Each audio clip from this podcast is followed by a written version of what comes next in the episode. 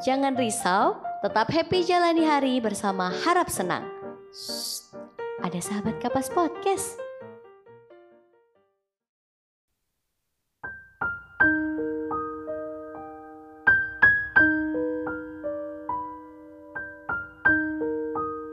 Bersama aku Yukarisa, kita kembali lagi di segmen Kresek. Apa tuh? Kesehatan reproduksi dan seksual. Kita akan belajar bersama tentang hak kesehatan seksual dan reproduksi atau HKSR. Kita akan bahas seberapa penting isu kesehatan seksual dan reproduksi bayi remaja dan anak muda. Kenapa sahabat kapas mengangkat isu yang masih dianggap tabu di tengah-tengah kehidupan masyarakat Indonesia ini?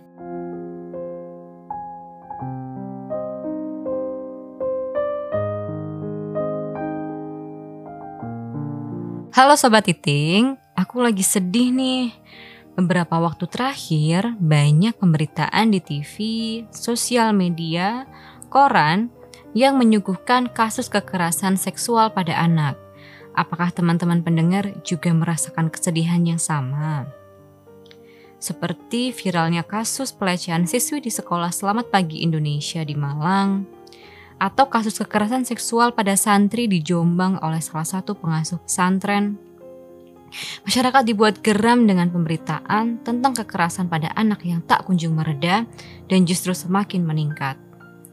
Mengutip berita kompas.com pada tanggal 24 Maret 2022, Kementerian Pemberdayaan Perempuan dan Perlindungan Anak mencatat terdapat sekitar 11.952 kasus kekerasan pada anak yang tercatat dalam Simfoni atau Sistem Informasi Online Perlindungan Perempuan dan Anak sepanjang tahun 2021. Dan sebanyak 7.004 kasus merupakan kasus kekerasan seksual. Berarti terdapat 58,6 persen kasus kekerasan yang menimpa anak merupakan kekerasan seksual. Bukan angka yang sedikit ya Sobat Iting, jika kita melihat dari data di atas, kasus kekerasan seksual menduduki porsi yang sangat besar jika dibandingkan kasus kekerasan lainnya. Kita perlu ketahui bersama bahwa kekerasan dalam bentuk apa pun yang menimpa anak tidak terlepas dari tanggung jawab orang tuanya maupun orang dewasa di sekeliling anak. Mungkin sebagai orang tua, kita tidak bisa 24 jam non-stop mengawasi anak kita ada kalanya anak pergi ke sekolah atau bermain dengan teman-temannya. Mungkin juga anak sedang di tempat les atau di tempat kursus. Nah, orang tua pada waktu itu berada di luar jangkauan anak dan tidak tahu apa saja yang dilakukan oleh anak atau yang dialami oleh anak.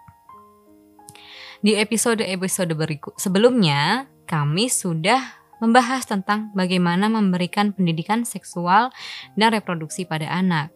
Sobat Eating bisa cek ke segmen Kresek 1 sampai 5 ya. Dalam segmen kali ini, kami akan mengajak Sobat Eating untuk memahami bentuk-bentuk dari kekerasan seksual itu apa saja agar Sobat Eating bisa lebih peduli dengan kondisi anak-anak di sekitar Sobat Eating. Begitu kekerasan seksual pada anak, bentuk-bentuknya yang sudah dirumuskan dan tertuang dalam Undang-Undang Tindak Pidana Kekerasan Seksual.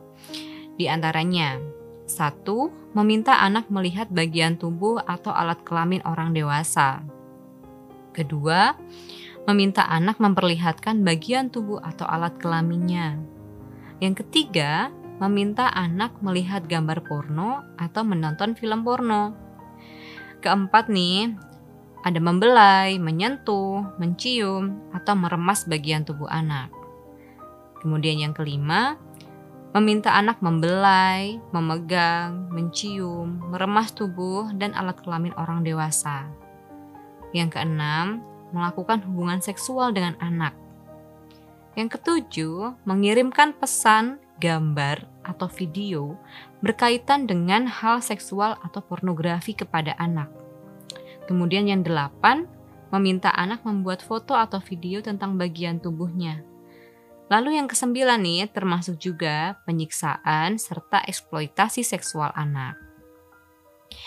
Jika sobat eating atau orang tua muda yang mendengarkan podcast ini, apabila melihat ada indikasi anak-anak di sekitar kita mengalami bentuk kekerasan seperti di atas, maka harus segera untuk ditindaklanjuti ya. Harus dicari pelakunya dan anak harus mendapatkan layanan psikologis agar kesehatan jiwanya tidak terganggu. Biasanya, kekerasan akan meninggalkan trauma bagi anak yang terbawa hingga mereka dewasa. Jadi, mari kita menjadi masyarakat yang lebih peduli lagi dengan kondisi di sekitar kita. Saya Yukarisa undur diri, pastikan Sobat Eating mengikuti segmen-segmen di podcast Harap Senang. Terima kasih sudah mendengarkan podcast kali ini. Jika mau info lebih banyak tentang kami, jangan lupa untuk follow di Instagram kami @sahabatkapas atau mampir ke website kami di sahabatkapas.org. Dan bagi kalian yang ingin mendalami tentang hak anak dan pencegahan kekerasan berbasis gender, daftar sekarang di Kabin ya, kelas belajar integratif seputar anak melalui website kabin.sahabatkapas.org. Kalian bisa belajar bersama tutor ahli di bidangnya dan mengunduh materi secara gratis. Sampai jumpa di episode berikutnya.